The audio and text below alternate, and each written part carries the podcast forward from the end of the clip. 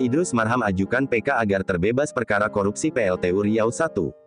Pantau sidang, Jakarta, mantan Menteri Sosial Idrus Marham mengajukan peninjauan kembali terkait perkara korupsi suap proyek PLTU Riau 1.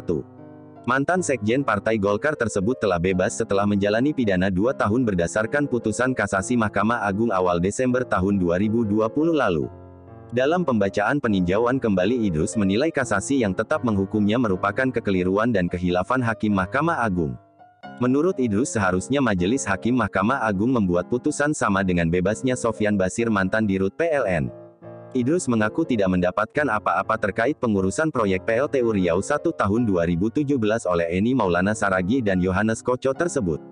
Peristiwa pidana penerimaan uang oleh Eni Saragi sebagai pejabat publik sama sekali tidak terkait dengan pemohon PK sebagaimana pertimbangan putusan perkara Sofyan Basir dan dinyatakan oleh Eni Saragi serta Yohanes Budi Koco di dalam fakta persidangan dan diperkuat pernyataan yang dituangkan secara notaris oleh Eni Saragi, ujar Idrus Marham dalam nota PK-nya di Pengadilan Tipikor, Rabu, tanggal 24 November tahun 2021.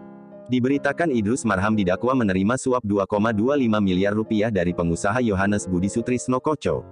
Duit itu disebut jaksa diterima Idrus untuk bersama-sama mantan Wakil Ketua Komisi 7 DPR Eni Maulani Saragi membantu Koco mendapatkan proyek di PLN.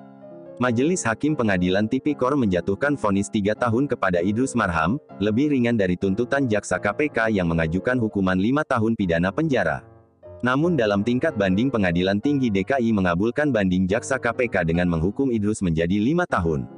Akan tetapi di tingkat kasasi, Mahkamah Agung mengabulkan permohonan kasasi Idrus dan menjatuhkan pidana dua tahun penjara.